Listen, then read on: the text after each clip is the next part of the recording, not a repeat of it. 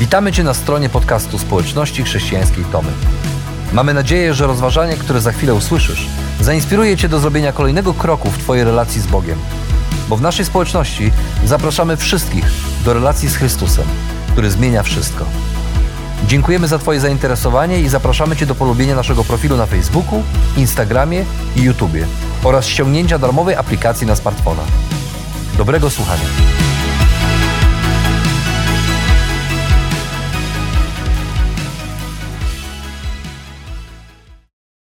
Kiedy na mieście pojawiają się pierwsze dekoracje, a centra handlowe kuszą kolejnymi promocjami świątecznymi w rytmie Jingle Bells, Jingle Bells.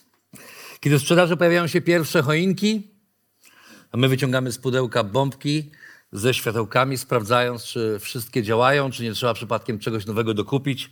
Kiedy w sklepach spożywczych ruszają zapisy na pierogi, bigos, te wszystkie inne rzeczy, śledzie, a my zaczynamy planować z innymi członkami rodziny, kto co przygotuje na wigilijną kolację.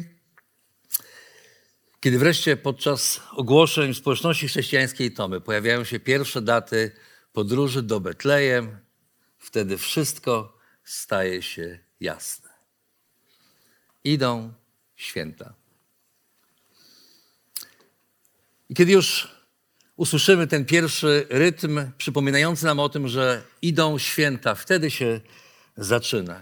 Ten rytm kolejnych tygodni wyznaczają nam poszukiwanie prezentów, dekorowanie choinek, przyrządzanie potraw, planowanie, który dzień świąteczny spędzimy u kogo. Im bliżej Wigilii, tym większe napięcie, tym bardziej nasze domy napełniają się zapachem świątecznych potraw. Na Netflixie pojawia się coraz więcej e, seriali, e, komedii romantycznych z oczywiście świętami w tle, a Polsat reklamuje już kolejne odcinki Kevina e, na kolejne dni świąt. Nawet gdybyśmy chcieli uciec od tych wszystkich przygotowań, to one nas dopadną, prędzej czy później. Nawet jakbyśmy zakryli oczy, zakryli uszy i powiedzieli, nie, nie, nie, te święta mnie nie dotyczą, a w ogóle to tak naprawdę nie jestem wierzący, więc one w ogóle są zupełnie dla mnie nieważne. One prędzej czy później dopadną cię i wciągną w wir swoich przygotowań. Ale przyglądając się tym naszym przygotowaniom do świąt, zaskakujące jest to, że te współczesne, dzisiejsze zapowiedzi świętowania e, Bożego Narodzenia tak drastycznie kontrastują nie tylko z samymi wydarzeniami czy okolicznościami narodzin Jezusa, które same w sobie są bardzo dramatyczne i poruszające, ale, ale jeszcze bardziej być może z wydarzeniami, które przez tysiące lat zapowiadały przyjście Chrystusa. Nasza kultura opakowała święta w taki bardzo specyficzny papier i my dzisiaj, e, przygotowując się na święta zgodnie, razem w rytmie naszej kultury, często nie potrafimy do końca zrozumieć czy zobaczyć, czym tak naprawdę było to wydarzenie 2000 lat temu.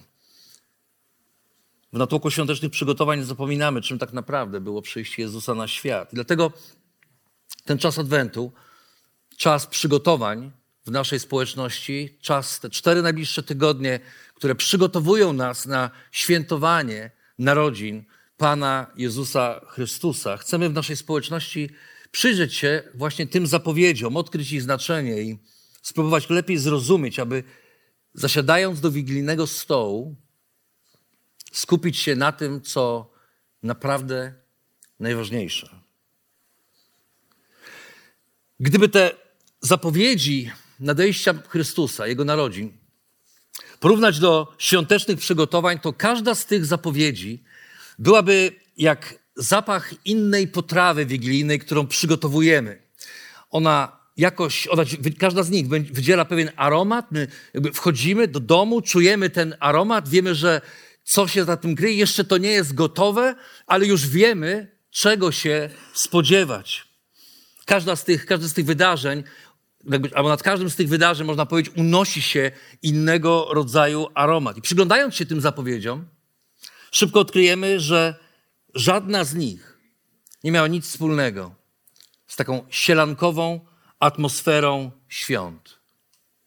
Więcej, najczęściej miały one miejsce w dramatycznych okolicznościach, często same wydarzenia nie zapowiadały niczego dobrego, a pierwsze z nich, o którym będziemy mówić dzisiaj, niesie w sobie wręcz, niesie ze sobą wręcz przykrą woń porażki. Porażki, której konsekwencje, wszyscy, tak jak tu jesteśmy, porażki, której konsekwencje odczuwamy do dziś, a bez której nie da się wyjaśnić ani tego, kim jesteśmy, ani tego, dlaczego świat wygląda tak, jak wygląda. Choć z początku nic nie zapowiadało takiego biegu rzeczy. Oto na początku czytamy o Bogu, który w swojej wszechmocy, wszechpotędze słowem stwarza świat, porządkuje chaos i czyni coś z niczego, a jako zwieńczenie swojego dzieła stworzenia czyni człowieka, człowieka jako mężczyznę i kobietę, czyni go na swoje podobieństwo. Człowiek ma panować na ziemi, ma zapełniać ją swoim potomstwem. Bóg umieszcza go w ogrodzie Eden, daje pełną wolność czerpania z wszelkich zasobów, które są w tym ogrodzie, są w tej ziemi, oprócz jednego drzewa, które rodziło owoce poznania, dobra i zła. Z tego drzewa, mówi Bóg, nie wolno wam jeść, bo pomrzecie. Wszystko wskazuje na to, ile czytam tę historię, mam wrażenie, że pierwsi ludzie musieli być Polakami. Musieli być Polakami, bo to tylko Polacy są chyba takimi ludźmi, którym jak się powie, że czegoś nie wolno, to oni to zrobią i tak, i to jeszcze dwa razy bardziej. I tak jest w tej historii. E, pierwsi ludzie e, wiedzą, czego mają nie robić, ale tak jakby mam wrażenie, że to tym bardziej pobudza ich do tego, żeby to zrobili z tą różnicą, że pierwszą postacią, czy pierwszy na pomysł przekroczenia Bożego nakazu wpada wąż, który zwodzi Ewę. I mówi trzy zdania. Trzy zdania, które są sednem każdego pokuszenia, trzy zdania, które są sednem każdego grzechu. Czy naprawdę Bóg powiedział, mówi wąż, a potem na pewno nie pomrzecie, jeżeli zjecie ten owoc, a po trzecie, staniecie się tacy jak Bóg. Tak jak powiedziałem, te trzy zdania stanowią sedno tego, czym jest pokusa w ogóle i czym jest grzech. Każdy grzech, każde nieposłuszeństwo wobec człowieka wobec Boga zaczyna się od wątpliwości w to, czy Bóg naprawdę tak powiedział. A zaraz potem pojawia się kłamstwo co do skutków postępowania. A zaraz potem pojawia się fałszywa obietnica tego, jak będzie. Czy naprawdę Bóg powiedział, że upijanie się jest grzechem? Na pewno nikt się nie dowie. Przepraszam, na pewno nic ci nie będzie. Po trzecie, fałszywa obietnica. Będziesz bardziej wyluzowany i towarzyski, będziesz miał więcej przyjaciół. Czy naprawdę Bóg powiedział, że kombinowanie z podatkami jest złe? Na pewno nikt się nie dowie. Będziesz miał więcej pieniędzy na swoje potrzeby. Czy naprawdę Bóg powiedział, że plotkowanie jest grzechem? Hmm. Na pewno nikomu nie zaszkodzisz. Inni będą przekonani, że jesteś najlepiej poinformowaną osobą w mieście. Za każdym razem, kiedy robimy coś, co się Bogu nie podoba, najpierw poddajemy wątpliwość Jego słowo, potem okłamujemy siebie i innych co do skutków naszego postępowania, a na koniec mamimy się fałszywą obietnicą. I kiedy przyglądamy się sobie dzisiaj, mamy nieodparte wrażenie, że świat naprawdę niewiele zmienił się od tamtego czasu. Ewa daje się skusić, zrywa owoc i je. A potem podaje owoc Adamowi i on milcząco go przyjmuje i też je. Oboje wiedzą, czego zrobić nie powinni, ale oboje ulegają najpierw temu, że temu ulegają wątpliwości co do prawdziwości Bożego Słowa, potem ulegają fałszywym opisom tego, co się takiego wydarzy, a na koniec ulegają fałszywe obietnice, że staną się tacy jak Bóg. Naraz otwierają się im oczy i zamiast radości bycia takimi jak Bóg, pojawia się wstyd. Najpierw pojawia się wstyd z powodu ich nagości, potem pojawia się strach przed Bogiem, który przechadza się po ogrodzie i woła: gdzie jesteś. Nie dlatego, że Bóg wszechmogący, wszechwiedzący, wszechobecny nie wiedział, gdzie są, ale dlatego, żeby dać im do zrozumienia, że On ich szuka, bo wcześniej szukać ich nie musiał. Bo wcześniej oni byli po prostu, a teraz nagle chowają się i zaraz po wstydzie z powodu tego, co zrobili, przychodzi strach przed konsekwencjami, strach przed Bogiem, przed tym, co musi się wydarzyć. Jestem nagi, mówi, mówi człowiek. Kto ci powiedział, że jesteś nagi? Odpowiada Bóg. Jadłeś z drzewa, z którego zakazałem ci jeść? To nie ja. To nie ja, mówi człowiek. To nie ja, mówi mężczyzna. To kobieta, którą ty mi dałeś, ona. Zerwała, zjadła. No i mi też dała. I też zjadłem. Czemu to zrobiłaś, kobieto? Mówi Bóg. To nie ja, to nie ja, to wąż mnie zwiódł i zjadłam. Wstyd, strach, a potem obwinianie innych albo zrzucanie winy na okoliczności, na innych ludzi. To, jest, to są trzy nieodłączni towarzysze grzechu. Wstyd z powodu tego, co zrobiliśmy, strach z powodu konsekwencji tego, co zrobiliśmy, i wreszcie obwinianie innych, żeby uniknąć konsekwencji tego, co zrobiliśmy. Wstyd, strach i obwinianie innych to wielka trójca grzechu. To nieodłączni towarzysze każdego nieposłuszeństwa wobec Boga. I w ten sposób słodycz pokusy ustępuje miejsca goryczy porażki. Owoc nie smakuje już tak, jak smakował na początku. W miejsce słodkości pojawia się gorycz, poczucie porażki, wstyd, strach i obwinianie innych. Grzech wkracza na świat i od tej pory nic już nie będzie takie samo. Adam i Ewa doświadczają konsekwencji grzechu, a te konsekwencje za ich, za, za ich sprawą stają się udziałem całej ludzkości. My dzisiaj męczymy się z naszą skłonnością do grzechu, do wybierania nie tego, co się Bogu podoba, tylko tego, co dla nas jest przyjemne, miłe, dobre, co nam jakoś służy, dlatego że pierwsi ludzie podjęli właśnie taką decyzję, decyzję nieposłuszeństwa. Kobieta, której imię w języku hebrajskim oznacza życie, będzie wydawać na świat nowe życie, ale nie będzie się to działo ani łagodnie, ani przyjemnie, będzie rodzić to, będzie rodzić w bólach, w trudzie, będzie zmagała się z mężczyzną, który będzie nad nią dominował, będzie nad nią panował. Ich relacja jest złamana. Mężczyzna będzie dążył do dominacji nad kobietą, ale kobieta będzie chciała z nim być. I na tym polega cały, cały dramat tej sytuacji.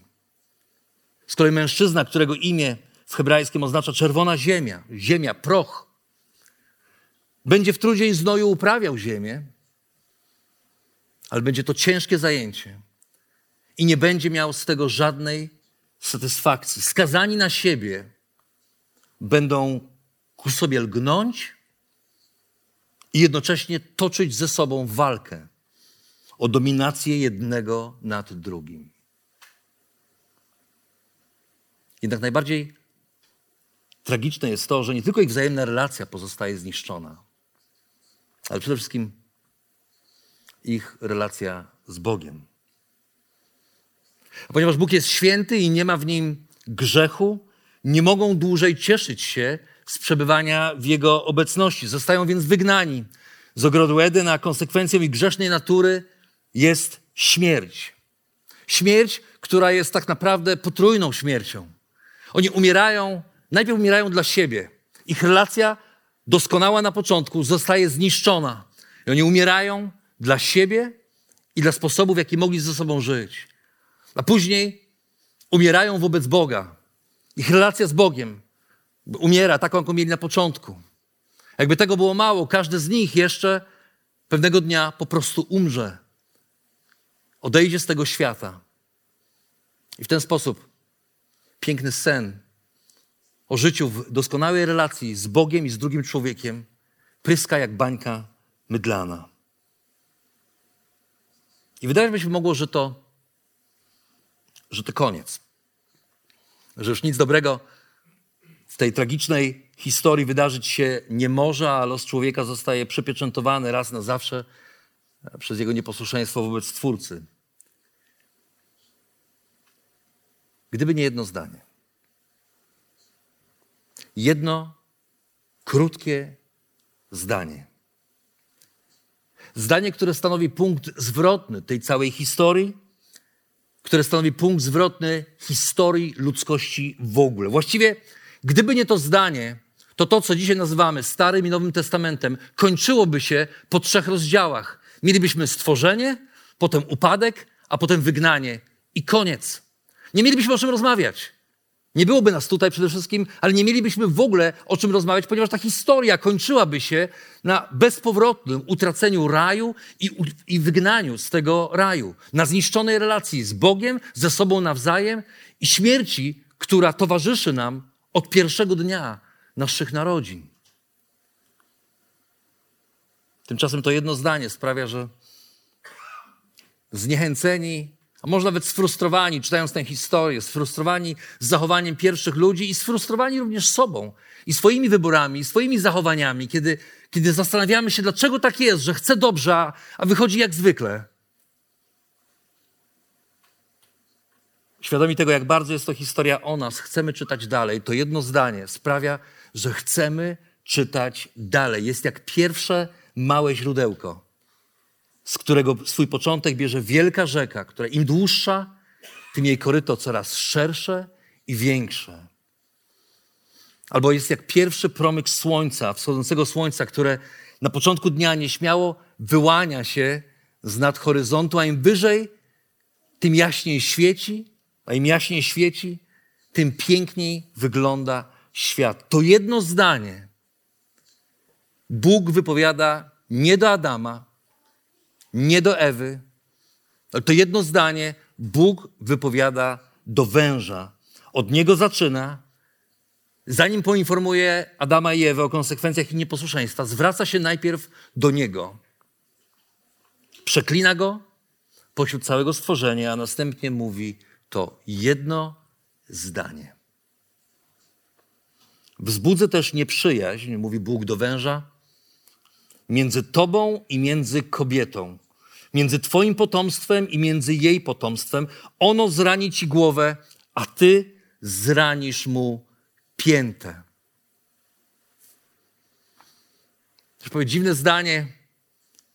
Właściwie czytając dalej konsekwencje tego, co się dzieje z Adamem i Zewą, myślimy sobie, to zdanie jakby ucieka nam, ono ginie w natłoku następnych wydarzeń, tego, co później będzie się dziać. Zapominamy o nim tak szybko, jak tylko szybko je przeczytamy, idziemy dalej, idziemy dalej, ale kiedy zatrzymamy się na chwilę, ono zaczyna wybrzmiewać. Dzisiaj dla nas, z perspektywy kilku tysięcy lat, patrząc też, patrząc na to, co się wydarzyło, widzimy, że to zdanie na samym początku, na samym początku Pisma Świętego jest zdaniem, bez którego moglibyśmy zamknąć tę, tę historię i więcej do niej nie wracać. To jedno zdanie nazywa, nazywa się też protoewangelią albo pierwszą Ewangelią, pierwszą dobrą nowiną, bo jest wyrazem niezwykłej Bożej łaski i miłosierdzia w samym środku naszego upadku jako ludzi. Bóg pochyla się nad nami, chociaż na to nie zasłużyliśmy. Bóg okazuje nam swoje miłosierdzie, chociaż my odwróciliśmy się do Niego plecami i On wypowiadając te słowa do węża, wypowiada słowa łaski w samym środku naszego upadku. Charles Spurgeon, amerykański kaznodzieja z XIX wieku, powiedział o tym jednym zdaniu, że ten tekst jest jak krzemień. Z początku zimny i twardy, ale kiedy leci z niego moc iskier, rozpalają ukryty w nim ogień nieskończonej miłości i łaski. Bo oto Bóg nie przeklina człowieka Spodziewalibyśmy się kary i że karą będzie to, że Bóg przeklnie człowieka, ale Bóg nigdy nie, nigdzie nie przeklina człowieka. Przeklina węża, przeklina tego, który odważył się zniszczyć Boże dzieło, tego, który, którego czyni głównym winowajcą całego zamieszania. To wąż, a konkretnie diabeł, odwieczny przeciwnik Boga, ukryty pod postacią węża, zniszczył Boże dzieło. To on wypowiedział pierwsze słowa nieposłuszeństwa. Czy naprawdę Bóg powiedział, to On zasiał w sercu człowieka wątpliwości co do prawdziwości słów samego Boga. To za Jego sprawą wreszcie grzech wkroczył na świat, nosząc zniszczenie ludzkiej naturze i kładąc się cieniem na naszym człowieczeństwie, które miało być, miało być odbiciem Bożej chwały, dobroci, piękna Jego charakteru dla świata. Stało się zniekształconym, karykaturalnym obrazem dawnej świetności. I Bóg wypowiada mu wojnę. Te słowa wypowiedziane do węża są jasną deklaracją wojny. Ale nie jest to wojna Boga z człowiekiem, ale jest to wyraźne zaznaczenie tego, jak będzie przebiegać wojna między Bogiem a diabłem, który zdecydował się zniszczyć Boże stworzenie. I w tej wojnie, to jest najbardziej niesamowite od, od pierwszych słów, w tej wojnie kluczowe miejsce przypadnie tej, którą wąż zwiódł jako pierwszą. Wzbudzę nieprzyjaźń między tobą i między kobietą, mówi Bóg do węża. Można by pomyśleć sobie, że kobieta, która zerwała ten owoc, że ona już ma do końca życia przerąbane. Że ona naprawdę, jeżeli kogoś tu należy winić, jeżeli komuś trzeba coś bardziej wytłumaczyć, wyjaśnić, to właśnie jej. Że to ona powinna ponieść najcięższe konsekwencje, ponieważ ona pierwsza, a Adam tylko milczał. Ale Bóg, i na tym polega, głębia Jego łaski. Popatrzcie na to. Bóg zwraca się do kobiety, która teraz może żyć w poczuciu winy, w przekonaniu, że to przez nią wszystko, że gdyby nie ona, to może historia by się potoczyła inaczej, a Bóg zwraca się do niej i wypowiada słowa zerwania tej krótkiej przyjaźni między kobietą a wężem, tej krótkiej, kilkuminutowej przyjaźni, która trwała krótką chwilę, ale zaowocowała grzechem, który wszedł na świat i i to ta kobieta, ta, którą wąż upokorzył, stanie się początkiem jego upokorzenia. Ta, którą zwiódł, będzie od tej pory w stałym konflikcie z nim, a wraz z nią cała ludzkość. Bóg nie będzie w konflikcie z człowiekiem, ale Bóg położy nieprzyjaźń między kobietą a wężem. I na tym polega dzieło łaski. Kobieta nie dostaje tego, na co zasłużyła, ale to, na co nie zasłużyła. Pierwszą rolę w wojnie, do której po części sama się przyłożyła. Ta, która jako pierwsza została zwiedziona, nie tylko nie ginie, ale staje się pierwszym narzędziem Bożej sprawiedliwości w wojnie przeciwko diabłu. To trochę tak, jakby korzystając z tego niezwykłego czasu, w którym przebywamy w tej chwili, nie tylko adwentowego, ale czasu mundialu, to trochę tak, jakby głównego winowajcę przegranego meczu uczynić bohaterem pierwszej bramki w kolejnym. To tak jakby temu, przez którego przegraliśmy mecz, trener podszedłby i powiedział: Tobie jako pierwszemu mówię, wyjdziesz w składzie na nowy mecz. Ale ten konflikt nie dotyczy tylko jej i węża, ten konflikt rozciąga się na pokolenia. Wzbudzę nieprzyjaźń, mówi Bóg, między Twoim potomstwem i między jej potomstwem.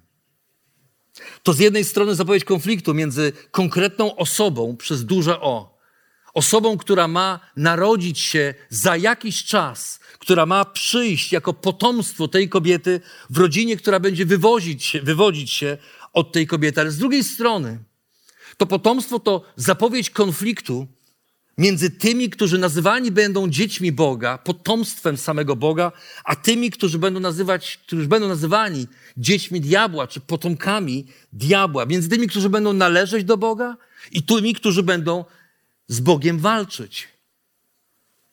Ten konflikt, ten konflikt wypowiedziany w samym środku upadku człowieka,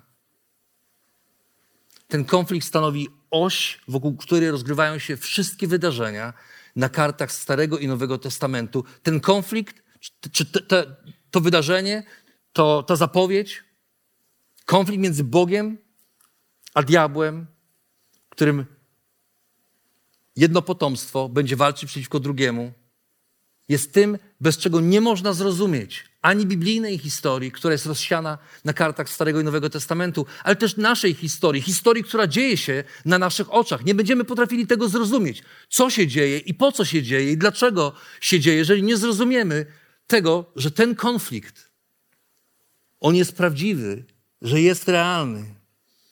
Kolejne rozdziały pokazują eskalację tego konfliktu poprzez coraz większe zło, które staje się udziałem grzesznego człowieka i konsekwentną walkę z tym złem poprzez ludzi, których Bóg krok po kroku wzbudza pomimo ich słabości. I tak Kain zabija Abla, a potem Lamech bierze sobie dwie żony zamiast jednej i zabija kolejne osoby tak po prostu, bo, bo ktoś coś o nim źle powiedział. A potem synowie Boży biorą sobie tyle żon, ile chcą i szerzą bezprawie, aż w końcu Bóg mówi dość i zsyła potop i niszczy całą ziemię i całą ludzkość oprócz jednego człowieka. I ten jeden, w tym jednym człowieku żyje i jego rodzinie żyje cała ludzkość. A potem z tym człowiekiem Bóg zabiera, zawiera pierwsze przymierze. Mówi Noemu, już nigdy więcej nie zniszczę ziemi, już nigdy więcej nie zniszczę człowieka. I zawiera przymierze z nim, a potem ludzie po raz kolejny rosną w siłę i zaczynają budować wieżę, która ma sięgać nieba i mówią, mówią, że nic nie będzie dla nas niemożliwe. Wszystko będziemy mogli robić, tak jak Bóg. I Bóg miesza języki. Ludzie mówią, dosyć. I powstaje wiele narodów, ale z tych wielu narodów Bóg wybiera jednego człowieka, jednego prostego człowieka, któremu mówi Abramie, wyjdziesz ze swojego miejsca zamieszkania i pójdziesz do ziemi, którą ci dam, pójdziesz do ziemi, której nie znasz, której nigdy nie byłeś, ale ta ziemia stanie się twoją ziemią. I zapowiada mu, że Abram stanie się ojcem wielkiego narodu, Izraela, który będzie błogosławieństwem dla wszystkich ludzi. Abrama, później Abraham nie wie do końca jeszcze, co to znaczy, że jego naród będzie błogosławieństwem dla wszystkich ludzi, ale robi to czego, co Bóg od niego oczekuje, mijają pokolenia, a my obserwujemy na kartach Pisma Świętego walkę pomiędzy Izraelem i wrogami Izraela. Widzimy walkę w samym Izraelu pomiędzy tymi, którzy stają po stronie Boga i pomiędzy tymi, którzy stają przeciwko Bogu. A Bóg z całego narodu wybiera jeden ród i mówi, że z tego rodu wyprowadzi króla, który będzie królował nad narodami. A kiedy jego naród wybrany przeżywa trudne chwile, znajduje się na krawędzi zniszczenia, posyła proroków. I prorocy przychodzą i, i pocieszają i mówią o tym, że to jeszcze nie koniec, to jeszcze nie koniec, ale gdzieś pomiędzy tymi zapowiedziami dobrego, dobrych chwil dla Izraela kryje się jeszcze bardzo istotna zapowiedź. Zapowiedź przyjścia wybawiciela, Mesjasza, na którego wszyscy czekają, że w końcu on, on zakończy tę walkę, tę wojnę, to wszystko, to całe zło, które się dzieje między ludźmi. Konflikt pomiędzy potomstwem kobiety a potomstwem węża trwa. A Bóg w pewnym momencie milknie. Na 400 lat. Jest jak cisza, która pojawia się, kiedy wchodzimy do teatru i nagle gaśnie światło i zalega cisza po to, żeby pierwsze zdanie, które pojawi się, pierwsza rola, pierwsza kwestia, pierwsza osoba, która wyjdzie na scenę, mogła wybrzmieć. I oto po 400 latach milczenia w niewielkiej wiosce Betlejem, w przedziwnych i dramatycznych okolicznościach rodzi się dziecko, o którym kilkanaście lat później jeden z apostołów, jeden z twórców Nowego jeden z, twórców Nowego Przymierza, Nowego Testamentu i, i autorów Nowego Testamentu powie drugi Adam. Nie tak jak ten pierwszy, który przyniósł grzech, ale drugi Adam, z którym przyszło wybawienie od grzechu. I znów patrzymy na to i świat znowu dzieli się na tych, którzy, na tych, którzy wyczekują narodzin Chrystusa i na tych, którzy stają przeciwko i próbują przeszkodzić, zrobić wszystko, żeby ten Chrystus się nie narodził. Konflikt pomiędzy potomstwem kobiety a potomstwem węża wchodzi w kluczową fazę. Jego kulminacją jest śmierć Jezusa na krzyżu i jego zmartwychwstanie. Oto diabeł ukąsił go w piętę. Tak miało być, pamiętacie? Położenie przyjaźń między tobą a kobietą, między jej potomstwem a twoim potomstwem. Ty ukąsisz go w piętę. I to właśnie wydarzyło się na krzyżu Golgota, ale ono, to dziecko, to potomstwo, zmiażdży ci głowę, pokonując śmierć, główną konsekwencję grzechu pierwszych ludzi. To czyni Jezus, kiedy wstaje z martwych. W słowach potomek węża ukąsi, potomka kobiety w piętę kryje się całe życie Jezusa. Od Betlejem do Golgoty. Ale w słowach potomek kobiety zmiażdży głowę potomkowi węża kryje się cała dramaturgia zmartwychwstania i ostatecznego zwycięstwa Jezusa nad diabłem. I myślałby ktoś, że to już jest koniec tej historii, ale jeszcze nie. Jeszcze nie. Ta historia ciągle się da, ciągnie się dalej i dotyczy nas, dociera do nas dzisiaj. Bo to Jezus przed niebowstąpieniem zapowiada swoje powtórne przyjście. I mówi, że to będzie czas, kiedy ostatecznie wszystko się zakończy. I ustami jednego ze swoich najbliższych uczniów, Jana, deklaruje wojnę pomiędzy tymi, którzy należą do Niego, do Chrystusa, a tymi, którzy należą do diabła, do, do tego, który rządzi tutaj, na ziemi, do szatana. I mówi, jedni to dzieci Boże, a inni to dzieci diabła. I my dzisiaj, tyle tysięcy lat po tamtych wydarzeniach, dwa tysiące lat po narodzinach Chrystusa, jesteśmy częścią tego konfliktu. Czy nam się to podoba, czy nie? Czy mówimy sobie, nie, mnie to nie dotyczy, to zajmujemy miejsce. I albo stajemy po stronie Boga i w ten sposób, ufając Chrystusowi, stajemy się dziećmi Bożymi, bo wszyscy jesteśmy Bożym stworzeniem. Ale nie wszyscy możemy nazywać się dziećmi Bożymi.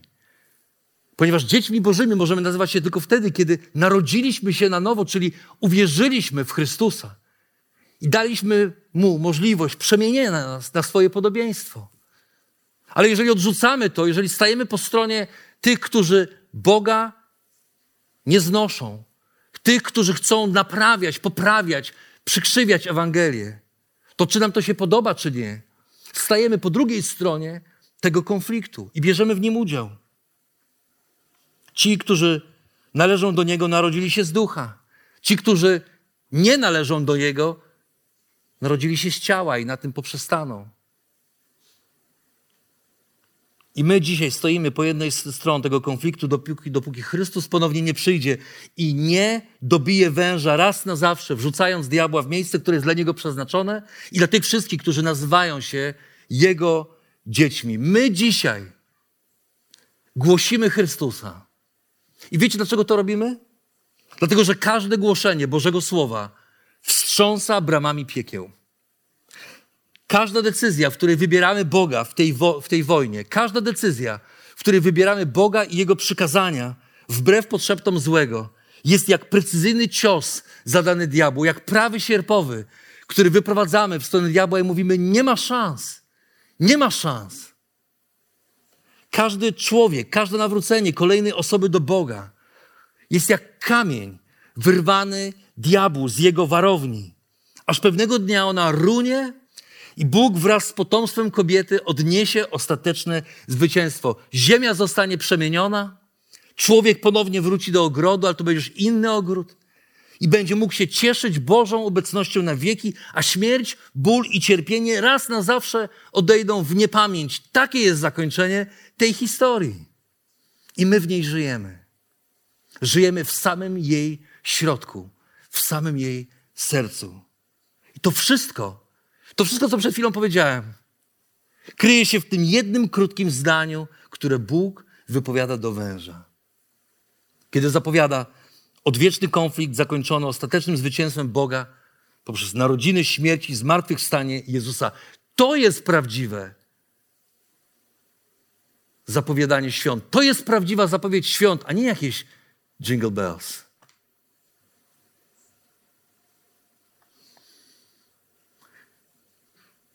Na kontynentach obu Ameryk rośnie drzewo, które nazywa się manhiner. Do przedwczoraj nie wiedziałem o istnieniu takiego drzewa, ale w języku hiszpańskim to drzewo nazywa się Arbol de la Muerte, co dosłownie oznacza drzewo śmierci. Według Księgi Rekordów Guinnessa to drzewo jest najniebezpieczniejszym drzewem na świecie. Wygląda niewinnie, ale wszystkie części Manchineela są wyjątkowo trujące. Kontakt z jakąkolwiek częścią tego drzewa lub jej spożyciem może być śmiertelne. To drzewo wytwarza gęsty mleczny sok, który sączy się z kory, liści, a nawet owoców i jeżeli wejdzie w kontakt ze skórą, może spowodować ostre, przypominające oparzenia pęcherze. Nawet znalezienie się pod tym drzewem podczas opadów jest niebezpieczne dla zdrowia i życia człowieka, ponieważ krople deszczu wchodzą w reakcję z sączącą się z drzewa toksyną i cała ta toksyna leje się na człowieka, który próbuje znaleźć w tym drzewie schronienie. Jakby tego było mało, nawet kiedy to drzewo zostanie ścięte podczas spalania drewna tej rośliny, powstający dym może silnie podrażnić narząd wzroku, a istnieją doniesienia o ciężkich przypadkach zapalenia oka, a nawet tymczasowej ślepoty. Jakby tego było mało, szkodliwe jest samo wdychanie oparów tego drzewa. To jest prawdziwe drzewo śmierci, ale największe zagrożenie życia może spowodować, pewnie się domyślacie, zjedzenie małego, okrągłego owocu drzewa Manhineel. Ich spożycie może okazać się śmiertelne. Wymioty biegunka odwodnią organizm do takiego stanu, z którego nie ma już powrotu. Prawdziwe drzewo śmierci. Brzmi znajomo? To drzewo, przed którym wydawałoby się nie ma ratunku, a jednak. Tuż obok Manchineela, drzewa śmierci, rośnie inne drzewo, które wydaje inny owoc. To drzewo figowe. Sok z drzewa figowego, zaaplikowany we właściwym czasie, stanowi lekarstwo na toksyny produkowane przez Manchineela. Jeżeli w porę go przyjmiemy, nie umrzemy. I słowa pierwszej Ewangelii, którą dzisiaj słyszeliśmy, słowa, które Bóg wypowiada do węża w ogrodzie Eden. Słowa, które zapowiadały konflikt pomiędzy potomstwem kobiety a potomstwem węża, są niczym sok figowy po zatruciu toksynami z drzewa Manhineel. Są odtrutką na toksyczne działanie grzechu. Zapowiedzią ratunku i ostatecznego zwycięstwa. Wonią łaski w samym środku porażki. I ta zapowiedź pierwszej Ewangelii to zaproszenie dla każdego z nas, abyśmy w Chrystusie rozpoznali tego, który ostatecznie pokonuje moc grzechu i daje nam nadzieję na ostateczne zwycięstwo nad grzechem w naszym życiu. To pierwsza zapowiedź. Pierwszy zapach. Pierwsza woń zbliżających się świąt. Czujesz go?